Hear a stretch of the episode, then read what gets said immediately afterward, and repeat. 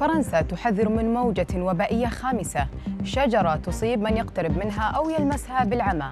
الموسيقى علاج سحري بعد إصابات الدماغ. أبرز أخبار الساعة الأربع والعشرين الماضية في دقيقتين على العربية بودكاست. تشهد بعض دول العالم عودة لموجات جديدة من فيروس كورونا. ففي فرنسا حذرت السلطات المختصة من التطور الحالي للموجة الوبائية الخامسة في البلاد. وأشار الناطق باسم الحكومة أن هذه الموجة جاءت بشكل مفاجئ ومثير للقلق خاصة مع ارتفاع الإصابات وتضاعفها مقارنة بالأسبوع الماضي. لكن الحكومة طمأنت الناس بقولها أن فرنسا لديها تغطية واسعة في التلقيح بنحو 75% من السكان ممن تلقوا جرعتين ومتقدمة نوعا ما بإعطاء جرعة التعزيز بالمقارنة مع جيرانها. في السعودية خاصة مع بدء تحسن حالة الطقس وخروج الأشخاص للمنتزهات والأماكن الصحراوية.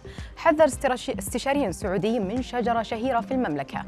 تنتشر هذه الشجرة المعروفة بالعشر في المناطق البرية وتفرز أوراقها مادة حليبية سامة وخطيرة. قد تصيب الإنسان بالعمى فورا. تعمل هذه المادة الحليبية بشكل مؤذن ويؤثر على قرنية العين كما حذر الاستشاري السعودي الأطفال والبالغين من الاقتراب منها. تأثيرات إيجابية للموسيقى والغناء تتعدى كونها تتعلق بالاستمتاع أو التأثير النفسي لها. فموقع كونفرزيشن نشر تقريرا يؤكد فعالية علاجية للموسيقى على صحة الدماغ.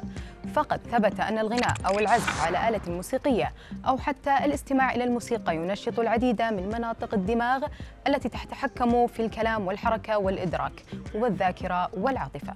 وغالبا يتم كل ذلك في الوقت نفسه. بينما تشير دراسات أخرى إلى أن الموسيقى يمكن أن تزيد نمو الخلايا الدماغية مما قد يساعد الدماغ على إصلاح نفسه خاصة لدى مرضى ألزهايمر والتي تنشط الموسيقى الذكريات المفقودة لديهم.